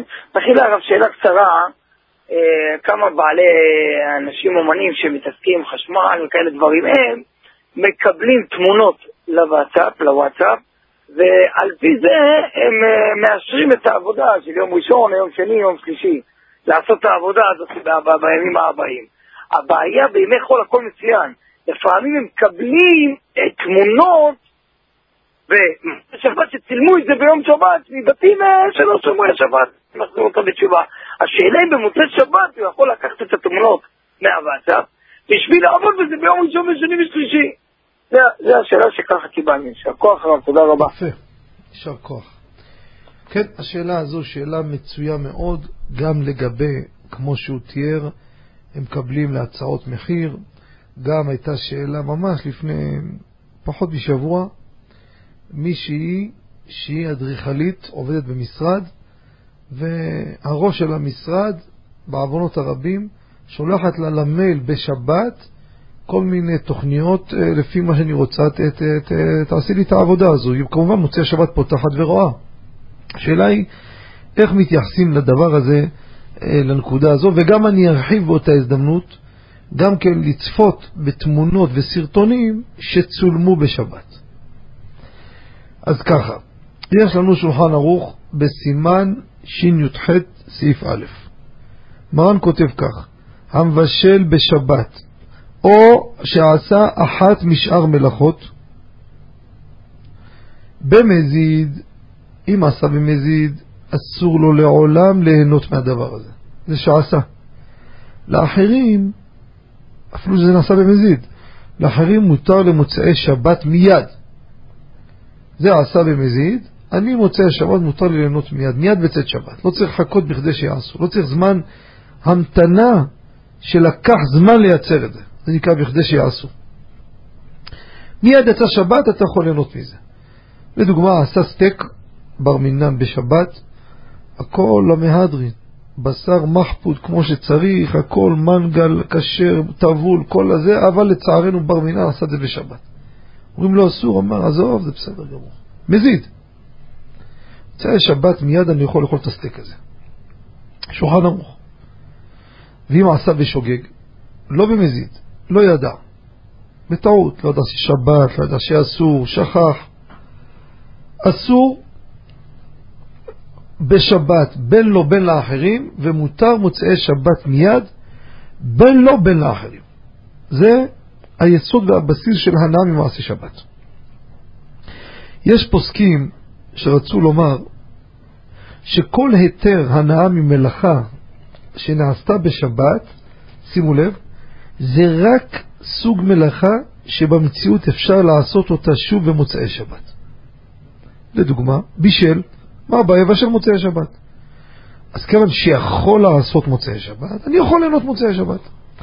אבל דבר שלא יכול לעשות אותו לאחר השבת, היה פה איזה אירוע. אירוע. בא מישהו צילם, אני יודע מה, איזה... דוגמה, אני אומר, משהו, איזה סוס קופץ באוויר. מאיפה תביא אותו עכשיו מוצאי שבת? צילם אותו בשבת, כיוון שאי אפשר במציאות להביא אותו במוצאי שבת, הם נוקטים, אסור למנות ממנו לעולם. כאילו מה שמותר ליהנות מוצאי שבת זה דבר שבעצם אפשר לשחזר את אותה פעולה, להגיע למה שבנית בשבת, אפשר לבנות עוד פעם מוצאי שבת. תיקן מנוע, אפשר לתקן אותו מוצאי שבת. בישל עשה על האש, לעשות מוצאי שבת אפשר. כיוון שאפשר, לא צריך שיעשה, כיוון שאפשר, כבר אני מתיר לך הנאה מזה. אבל דבר שאי אפשר, אי אפשר לעשות עוד פעם ביום חול. דוגמה, עשו פה מסיבת יום הולדת, מישהו יכול לשחזר את הכל אותו דבר? אין דבר כזה. להבדיל, בלי סוף הבדלות, החוץ צילמו משחק בשבת. מה, אתה יכול להחזיר את זה עוד פעם? אין דבר כזה. אי אפשר לעשות את הכל עוד פעם. וממילא, אי אפשר לשחזר את זה. לשיטתם, אסור לראות את זה לעולם, נגמר, זה אסור ליהנות. אבל, בקיבו שבת חלק ג' הבאנו בראיות, והלכה למעשה ככה, גם דבר שאי אפשר לשחזר אותו. דוגמה, אני אתן לכם, יש מלא דוגמאות, כן? היה איזה אדמו"ר אחד, הגיע אורח בשבת לביתר עילית, אצלנו. הם רצו להראות את הטיש, הלכו, שלחו את הדרוזי, לא יודע מי שלח אותו, זה נכנס, התחיל לצלם את כל הטיש. שלחו או לא שלחו, אני לא יודע, מן הסתם שלחו. או לא, לא משנה כרגע. או בא יהודי, לא עליכם, לא עלינו, צילם. אתה יכול לשחזר את הטיש עוד פעם מוצאי שבת? כל האנשים האלו, את הכל? זה לא הולך, לא, לא, לא במציאות להביא אותו דבר מה שהיה. הבאנו בספר אותו דבר לייצר חדשות. חס ושלום, בר מינן, כן? חוץ מאף אחד מעם ישראל, הייתה תאונה בשבת. חוץ צילמו נושא מוצאי שבת בחדשות לראות את זה. במייל, בוואטסאפ, מה שאמרת, לא משנה איפה. במחשב, אי אפשר לשחזר את זה עוד פעם. מה תעשה עוד תאונה מוצאי שבת? אי אפשר. הוכחנו בראיות, על פי הפוסקים, הלכה למעשה, יהיה מותר לראות את זה. לכן, גם במקרה הזה, שזה יותר קל, אפשר לצלם את זה עוד פעם. הלכה למעשה, כל תמונה שאדם קיבל, גם בא מישהו ואומר לו, בוא תראה, בוא תראה, הנה מולדת תעשו לו בשבת, מותר לו לצפות בדבר הזה לאחר השבת, ואין בזה איסור הנאה ממעשה שבת. יש שיחמירו, אני אמרתי, יש מי שיחמירו, תראו בקיבו שבת, אבל הלכה למעשה, מותר. ולכן, עד זה הקבלן הזה, פותח את הפה במוצאי שבת, רואה תמונות, מה זה? מישהו בבוקר הלך צילם איזה אמבטיה, אמר לו, תן לי הצעת מחיר, אני רוצה להחליף אותה. גם עשה במזיד, מותר לך להסתכל בזה, לא צריך אפילו להמתין הרבה זמן, גם להמתין הרבה זמן, כמה זמן לוקח לצלם ולשלוח תמונה. חלקיק השנייה, זה בכל מצב גם, זה נקרא בכלל בכדי שיעשו, גם אם תחמיר. ולכן אין בזה איסור הנאה בשימוש בתמונות האלו לאחר השבת. זה, השתדלתי להביא עוד דוגמאות, כי ככה אלו שבבית, שייתן להם תמונה לעוד דוגמאות, ששם לכאורה המקום, כמו שהסברתי, ובכל זאת גם זה מותר. התשובה מובנת, כבודו? יישר כוח הרב, מאוד מאוד מאוד מובן. תודה רבה. יישר כוח לכבודו, שיהיה לכם שבת שלום וקיץ בריא. תודה רבה. ברוכים תהיו. נעבור למאזין הבא. שלום וערב טוב. שלום הרב, שלום עליכם. אה, תודה רבה על כל השיעורים. תודה לכם. רצ- רצינו לשאול, מה הדין לעשות בשבת הגרלה לילדים ותהילים? ומה הדין אם אפשר גם על ידי פתקים? אבל כבודו שהשאיר את השאלה, הביא איזה פטנט יותר מתוחכם. למה אתה לא אומר אותו בשידור? זה כל כך מעניין מה שאמרת, למה אתה מתחמק? למה אתם משאירים שאלות ושואלים שאלות אחרות בשידור? גם עלתה לפני כן מישהי, לא יודע מי זאת אפילו, שאלה שאלה אחרת לגמרי, לא יודע אפילו איזה שאלה היא השאירה. אבל בכבוד, מה כבודו אומר? שישמעו המאזינים, אני נהניתי מהרעיון שלך. ש... שזה יהיה, יזכה בזה וזה יהיה שלו, ואז הקטן ירים. לא זה כבר שבוע שעבר, אני כבר זוכר מה השארתי. כן, אז ככה, בואו, בוא, אני, אגע גם בהגרלה בשבת, בתהילים, וגם אני נהניתי מהיצירה של כבודו. כבודו הביא רעיון כזה. אנחנו נעשה קניין לפרס לפני שבת, דהיינו, אנחנו רוצים לעשות הגרלה למשל, השבת למשל, על איזה, על איזה, נגיד איזה משחק, כן? לא מוקצה, זאת הגרלה. אז מה נעשה? ניקח מישהו, אדם שלישי, נגיד לו, תקשיב, תגביה את זה, אתה זוכה לפני שבת עבור מי? עבור זה שיזכה בהגרלה בשבת. אז זה קודם כל שאלה ראשונה, אם בכלל אפשר לעשות דבר כזה קניין עבור מישהו שלא מוגדר, אני עוד לא יודע מי זה בכלל. זה שאלה, זה מה שכל כך התלהבתי מהרעיון. ואז ניגע הלכה למעשה אם זה מועיל, וגם איך מותר מה אסור. אז בואו ניגע בעזרת השם. קודם כל, צריך לדעת, רבותיי, הגרלה בשבת היא אסורה. מי שיש לו קיבו שבת חלק ג' עמוד תרי"ז, הבאנו בזה מרבותינו הפוסקים שלושה טעמים לאיסור הגרלה בשבת. סיבה ראשונה, דומה למקח וממכר. זה סוג מסחר, כן? הגרלה זה ככה זה. סיבה שנייה, שמא יבואו למדוד ולשקול. יכול להגיע לזה. אתה עושה הגרלה, יכול להגיע למצב שפתאום רוצים למדוד, מי לקח יותר, מי פחות, וזה אסור בשבת. מדידה אסורה שמא יכתוב. ועוד גזרה רבותינו אותם, שמא יקרא בשטרי אדיוטות. מצוחק לך לדבר דבר, רבותינו דרשו. יש דברים שאסורים בקריאה בשטרי אדיוטות. עכשיו, מה קורה הגרלה לצורך מצווה? אז המגן אברהם מביא, מה קורה הגרלה על מצווה? מה זה על מצווה? עושים הגרלה מי יגיד קדיש. אתם יודעים, בעיקר אצל אחינו האשכנזים, קדיש לעילוי נשמת, יש הרבה מהפוסקים, והרבה ככה מקפידים, שרק מי שיש לו את החיוב, הוא לבד יגיד את הקדיש. אל תצטרפו איתו יותר. למה? אחרים שאומרים, זה נקרא מסייע שאין בו ממש. מי צריך אותך? וממילא, מה התועלת לעילוי נשמת? תגיד לאחד, וזהו נגמר. ואם יש כמה, נעשה חלוקה ביניהם. והאחד הזה יקדש את שמו יתברך, יעשה קדיש זכה תרבים לעילוי נשמת המנוח שלו. ואז פעמים עושים הגרלה. הגרלה על קדיש, הגרלה מי עולה לתורה? הגרלה על דבר מצווה. יפה. מה קורה? הגרלה לא על מצווה, לצורך מצווה. הנה דוגמה, עושים תהילים לילדים. על מה הגרלה? על איזה מתקות, על איזה, אני יודע מה, איזה בלון. בלון זה לא מצווה, אבל מה המטרה? לצורך מצווה. שילדים יבואו, יקראו תהילים, יהיו בשיעור, ישתתפו, אז זה מטרה לצורך מצווה. גם זה הלכה למעשה מעיקר הדין, רבותיי. מעיקר הדין, תדעו, לצורך מצווה לתהילים, מותר מעיקר הדין. אי אפשר לאסור את זה, תראו בקיבו שבת. אבל, כיוון שזה לא פשוט, ראוי להחמיר לעשות איזה מהלך שככה כתבנו בספר, ולמדתי את זה מאחד מחכמי ארצות הברית לפני שנים רבות, וככה אני עושה בבית מדרשי, באוהל רחל, בתהילים לבנים, לבנות, יש כמה סוגי שיעורים בשבת, ברוך השם, כל השבת מלאה בפעילות, וככה הם עושים. מה עושים? אנחנו בעצם הולכים ועושים הגרלה על דבר מצווה. איך מצווה? אתה אומר, אתה נותן בלון, איך נהיה מצווה? שימו לב. אני אומר לילדים ככה, ככה הבן שלי עושה לבנים, הבת לבנות, ככה עושה. רבותיי, יש הגרלה, אפשר גם פתקים, אפשר בעל פה. אני בוחר מספר עד מאה. עד מאה. בלי עין הרע באים 70, 80, 90 בנות, אז צריך שיהיה 100. בנים פחות, תעשה עד 30, עד 50, כמה שבאו. מי שיקלע, הוא זכה. מה הוא זוכה? שימו לב. הוא זוכה שישאלו אותו שאלה בפרשת השבוע או בהלכה. אז על מה הגרלה? על דבר מצווה. אתה הולך להשיב על שאלה בדברי קודש. ואם תענה נכון, תקבל בלון. יפה. זה, פתרנו ועקפנו את כל הבעיה. עכשיו, בא מהמאזין הזה, אומר, תשמע,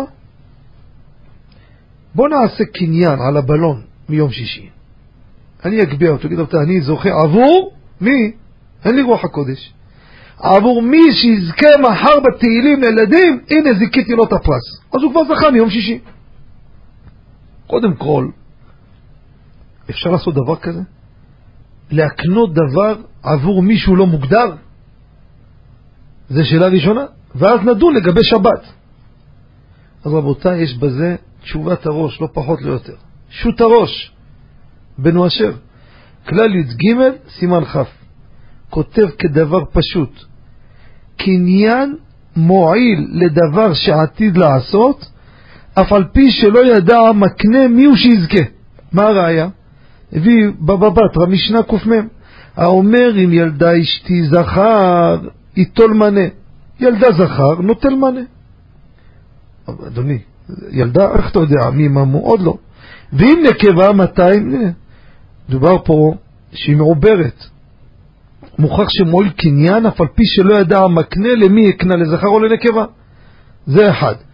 הביא משנה בפסחים פרק ט', האומר לבניו, הרי אני שוחט את הפסח על מי שיעלה מכם ראשון לירושלים, שימו לב את מי הוא מחבר לקבוצה, מי שיעלה ראשון, כמה שהכניס ראשון ראשו ורובו לירושלים, זכה בחלקו וכולי.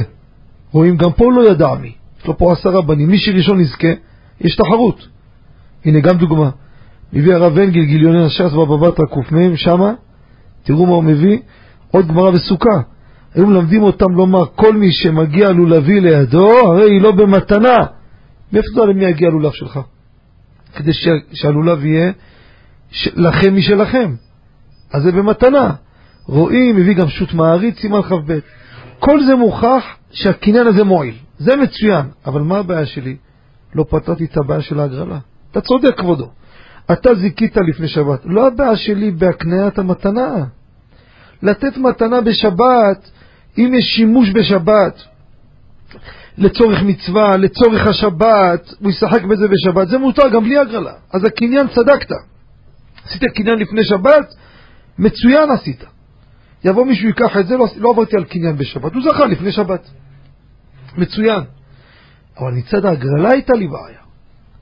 מה הייתה הבעיה? דומה להם פחומם קר, שהם יבואו למדוד, שהם יקרא שיצרי אדיוטות.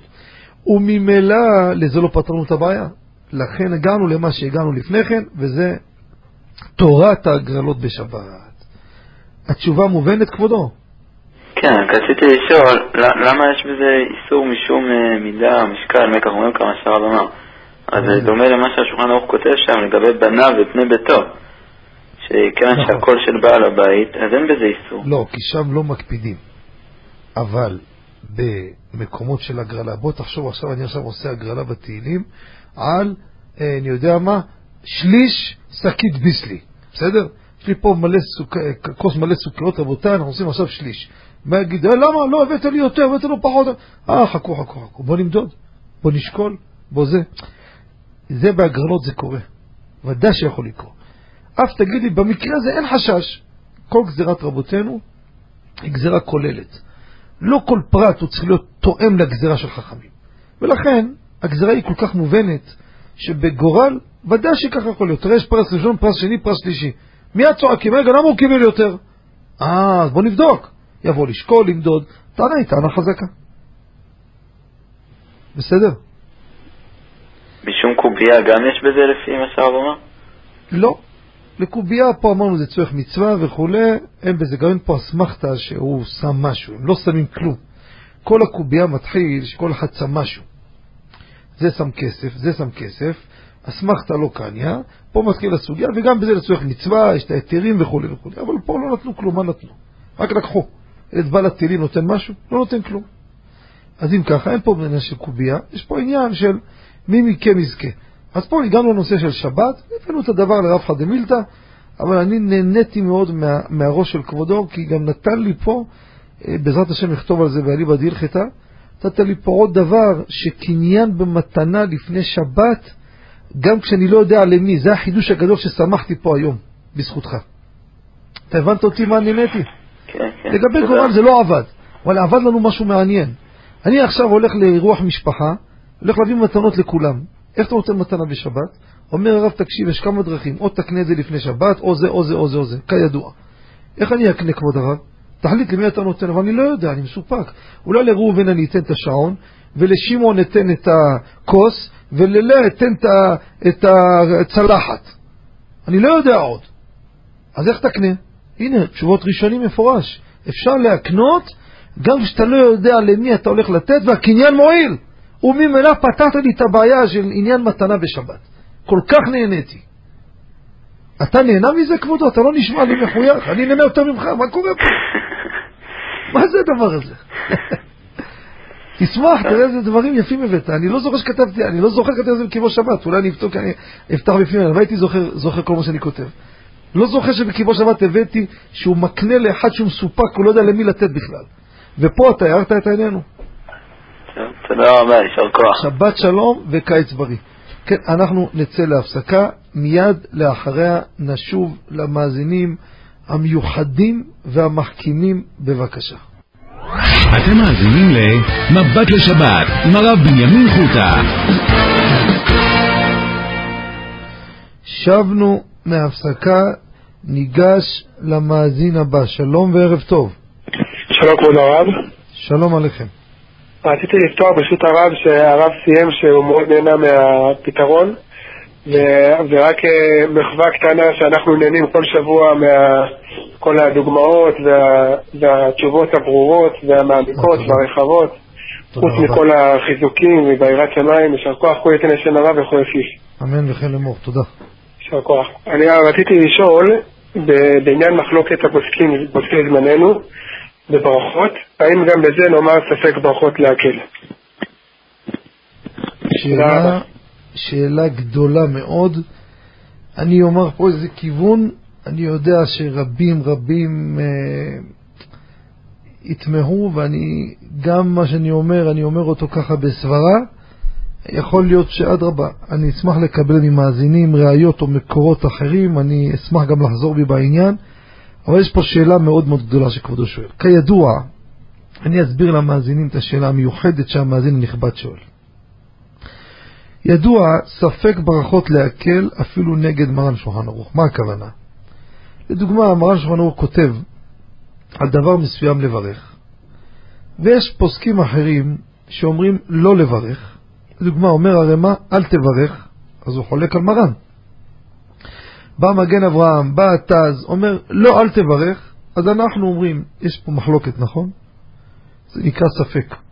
כל מחלוקת זה ספק. נכון, קיבלנו עלינו מרן, אמת, אבל ספק ברכות והשם השם לבטלה, ספק ברכות להקל, אל תברך אפילו נגד, סליחה, אפילו נגד מרן השולחן ערוך. פה מאזין נכבד שואל, איפה נגמר, איפה הגבול של הספק? אתה היום מסתכל, רואה מחלוקת, חכם עובדיה, חכם בן ציון אבא שאול. גורם מחלוקת הרב אלישיב והרב אוזנר. או, לא משנה, כל הרבנים למיניהם, האם אני אגיד גם ספק ברכות או לא? שאלה גדולה מאוד. אין לי ראיות למה שאני אומר, אני אומר סברה, ואני אשמח מאוד, אדרבה, אם מישהו יביא ראיות לזה, אני אשמח עוד יותר. ואם יהיו ראיות הפוכות, גם אני אשמח, אבל אני גם אשמח גם לחזור בי. פחות אני אשמח מאשר לקבל ראיות, כן? אני אגיד לכם. לכאורה, בואו נחשוב רגע לעומק. הרי יש מחלוקת ראשונים לדוגמה, ומרן יכריע לברך. אנחנו לא אומרים סבל נגד מרן. מדוע? כי מרן ראה את המחלוקת, ראה ראשונים אומרים ככה, ראה ככה, והכריע ככה, אז אתה הולך כמו מרן. איפה אתה מתחיל את ה... לומר ספק, דהיינו שיש מחלוקת אני חושש לחולקים, איפה בדבר שחלקו על מרן לאחר מכן. זאת אומרת, בא מישהו חידש חידוש, אומר אני לא מסכים עם מרן. אז אתה אומר, תראה, ספק, עם כל הכבוד יש פה מחלוקת על מרן, אז אני אומר, תראה, ספק ברכות, אני שם השם לא מתעסק. אבל אם הוא מרן ראה את המחלוקת, ובכל זאת פסק לברך, הוא לא חשש, איך אני אחשוש? יפה. לפי זה, בואו ניקח דוגמה, רוב הספרדים הולכים כמו מרן הרב עובדיה. בואו ניקח דוגמה מעשית ככה בשטח, עד הסוף.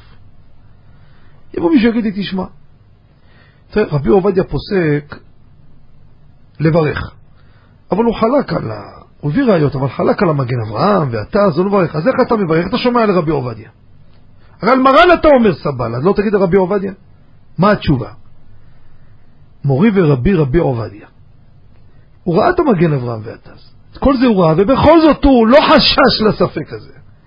ראה לנכון מבכלול השיקולים שלו, הוא ראה שיש פה דעות לא ככה, והכריע לא ככה, אז אני אומר, תשמע, רבי ככה מורה, אני לא חושש לסבל. אבל אם יקומו פוסקים, אני מדגיש פוסקים, לא כל מי שיבוא ויכתוב, אחרי מרן רבי עובדיה, ויביאו ראיות או חידושים שרבי עובדיה לא התייחס אליהם בכלל. יגידו, תשמע, מצאנו פה להקת פוסקים, מצאנו פה איזה מהלך מסוים שהרבי עובדיה לא התייחס לזה בכלל. אני לא יכול להגיד הוא ראה ובכל זאת פסק. וממילא יהיה לי פה ספק. יש צד לומר, אם זה יהיה ממש משקל של פוסקים, לעניות דעתי, יהיה פה צד גדול לומר, ספק ברכות להקל, אני לא אשמע לרבי עובדיה. אם סבל נגד מרן הבית יוסף, קל וחומר סבל נגד רבי עובדיה. אבל זה צריך לבוא ברמה כזו שאני יודע שהוא במכלול, איפה שהוא כתב, לנקודה הזאת הוא לא התייחס. וממילא יכול שגם היה חוזר בו, יש פה ספק. אבל אם יבואו שיגיד לי, תשמע, רבי עובדיה כל הכבוד שפסק ככה, אבל תראה, מה עם התז, מה עם... אבל הוא הביא אותם, מה אתה רוצה? והוא לא התייחס אליהם. אם זה לא רבך רבי עובדיה, משהו אחר. אבל מורי ורבי זה רבי עובדיה. הוא ראה את זה, בכל זאת פסק מה שפסק. מקרה כזה, אני לא מתייחס לצד השני. ככה לעניות דעתי בגישה של כל הנושא הזה של סבל. אם לא כן, מה, יש איזה קו של פסיקה שנעצור את הכללי סבל? קשה להגיד דבר כזה, מה? מהאחרונים נגמר, נגמר העולם, זהו, כל הפוסקים שיבואו, אין להם שום משקל ושום דבר, איך אפשר להגיד דבר כזה? אז ההגדרה הזאת היא הדבר היחיד שלכאורה לעניות דעתי אפשר לומר אותו. מה כבודו אומר בעניין? אני חייב להגיד לרב שאני ממש התפעלתי, כי זה כיוון שלא חשבנו עליו אף פעם. אני או שחור או לבן, או כן או לא. ולא אתה רואה, לפעמים יש שלה. כיוונים שלא חושבים עליהם. כן, ממש. זה מה שאני אומר. זה מה שפתחתי, שהרב מביא לנו ככה שמחה כל שבוע עם לא, לא, אני הכיוונים מתכוון החדשים. לומר, אני יודע שרבים ירימו גבה עכשיו. מה אתה רוצה להגיד? שיקומו מחר כמה פוסקים כבדי משקל, לא כל אחד שפעם קם בבוקר ממציא זה.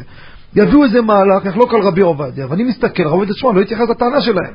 וזה פוסקים משקל, לא אחד חלק על זה. אני אגיד סבל? כן, אני אגיד להגיד סבל, למה לא? מה, אם, אם על מרן הבית יוסף אמרנו, קל וחומר ובנו של קל וחומר שיגיד על רבי עובדיה. מי לנו ממרן הבית יוסף? ואמרו עליו סבל נגד מרן, לא נגיד סבל נגד חכם עובדיה? כדרכה של תורה אני מדבר. רק שאלה קטנה, מה, אה, מה המקור שבמרן, אם הוא, אם הוא ראה את הפוסקים לא אומרים סבל, הוא הביא בבית יוסף לא נגיד סבל, אני רואה, אתה רואה, תראה, תראה בכל הסבלים, אוקיי, איפה שהוא פסק, איזה סבל התייחסו? שהפוסקים אחריו באו ואמרו, יש לי ספק, קח את הרמה, קח את זה, אבל על ראשונים שנחלקו, לא, אני לא, לא, לא ראינו שנתנו לזה משקל של סבל. כי מרן פסק, ראה ככה ובכל זאת פסק, אז זאת אומרת, הוא לא, הוא לא חשש לצד לא הזה. הוא לא התייחס לזה, לא חשש לזה. וזה לכן גם אני אומר על רבי עובדיה שפוסק דברים מסוים תברך, אם הוא ראה את כל הפוסקים, אני לא אומר סבא, למה? הוא ראה את כל זה ובכל זאת הוא פסק. היסוד שאני אומר, זה גם מרגיע אותי ברוב הפסקים, שאין לי מה לחשוש, כי את זה הוא ראה. אבל אם תגיד לי, תשמע, הנה, מה הוא ראה? בוא נקרא מה הוא ראה. מה שהוא ראה הוא כתב. אבל אתה הבאת פה מהלך חדש, הבאת פה איזה פוסק, הבאת פה כמה פוסקים שהביאו מהלך חדש, שהוא לא נגע בזה. אה, רגע, רגע, רגע, אז פה זה כבר מהלך אחר. ככה לכאורה. עוד פעם, אני אומר, אה, סברה, אני לא לרב שום עוד מקום מילה לדברים. כן. הרב? ברשות כן, הרב כן, עוד מילה? בכבוד. אה, אני- אומר שלפי זה, אז יצא חידוש גדול, שהרי ידוע שמרן מרן זצ"ל הוא היה מביא הרבה פוסקים כ- כאחד בדר הרי. נכון. אז אז הכלל שהרב אומר, זה יתאים כמעט רק למרן הרב עובדיה, כי כי הרבה מאוד פוסקים לא הביאו הרבה הרבה סברות ושיטות. אז אצלם בקלות אני אגיד סבל. וכמרן הרב עובדיה אני אני אקבל את זה כפסיקה, כי הוא ראה- הוא כן הביא את כל נכון. כל הרבה הרבה מכלול. יפה, לכן אמרתי, אם יקומו יהיו זה נכון מה שאני אומר הרב? אם אני חושב כמו הרב אלישיב, אומרים על אותו מהלך, כן? אז זה יצא, זה יצא, כאילו, יישר כוח תראה, הרב, אם אתה הולך עם הרב. אלישיב, אם עם הרב אלישיב, אז כל הסבל אצל האשכנזים הוא בכלל משקל אחר לגמרי. כן, לא, אני אומר, כן, קיבלתי. אם אני פוסק אה, כמו פוסק שהוא לא הרחיב והביא שיטות, אז אז יהיה בהרבה יותר סבל מאשר המרן ודאי. עובדיה הכי פחות. סבל בכל הפוסקים. עכשיו עוד נקודה חשובה אני רוצה להוסיף, אם כבר נגענו שבאמת נזכור את הנושא הזה. יהיה לי פה עוד תיק אחד שאני חייב גם איתו לטפל. אם אחרי שכולם נהגו לברך, גם אם נמצא פוסק, אז יש לי פה בעיה של מנהג.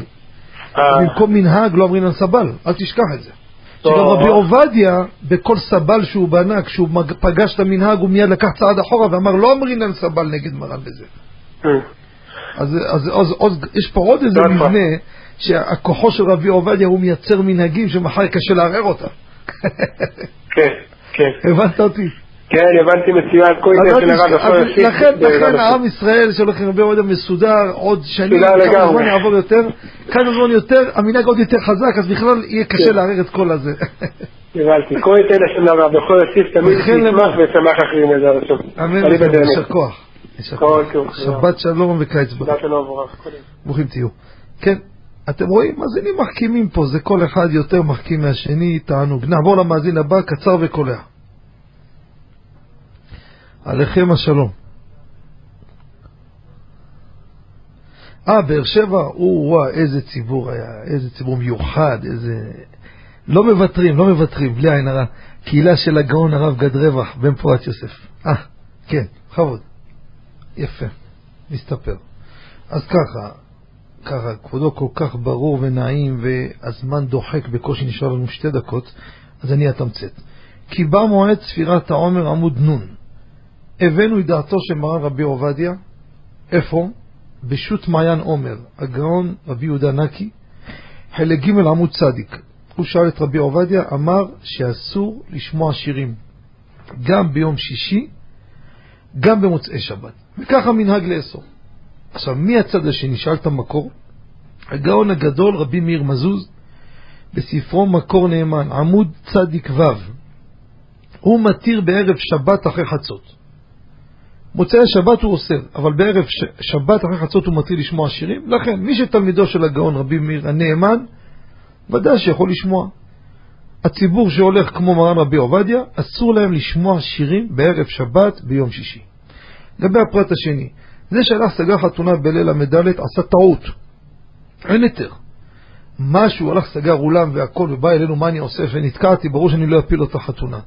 אבל להתיר לקרובים להסתפר בזמן הזה, בגלל הטעות שהוא עשה, אני לא רואה מקום להתיר בדבר הזה. קשה לי לראות מקום להיתר. הראשון חטא וכולם יוסיפו עליהם עוד טעויות, קשה לי להאמין בדבר הזה. אז שיישר כוח לכבודו, שיהיה לכם שבת שלום וקיץ בריא. ברוכים, חודש טוב ומבורך. אנחנו מתקרבים לסיומה של התוכנית, שעתיים עפו להם כלא היו, אבל ברוך השם, הרבה תורה, יישר כוח לצוות הנטרי צנטרה, יורם יצחק וזנה, וכן אלי בנדר, שיצליחו במעשה ידיהם, מאזינים יקרים, כמו שפתחתי, יום רביעי, אם עד אז לא תהיה מלחמה, כן, בעזרת השם, להרביץ תורה רבותיי. להרביץ תורה, מגנה ומצלה, לנצל את היום לארבע, חמש שעות שיעורי תורה, ובעזרת השם יגדיל תורה וידיר. שיהיה לכולכם חודש טוב ומבורך, שבת שלום ומבורך, וקיץ בריא, ויום ראשון חוזרים כל החיילים לישיבות הקדושות, חיילי התורה הקדושה, שחוזרים, שהשם ייתן להם חשק והצלחה, שיהיו מונחים בלימוד, יתעלו בתורה ויראה. ויש לכם משימה, בחורים ששומעים אותי, עם ישראל עומד אחריכם, צריכים את הכוחות שלכם. גם אם אתה אומר, לא כל כך, מי, לא, לא, לא, אתה יושב על הסטנדר, אתה מחזיק עולם ומלואו. תחזרו בעוצמות, חפת השם ביתכם יצלח, תצליחו במבחנים לישיבות, ותעלו ותתעלו ותהיו גדולי תורה והוראה. שבת שלום, חודש טוב ומבורך וכל טוב.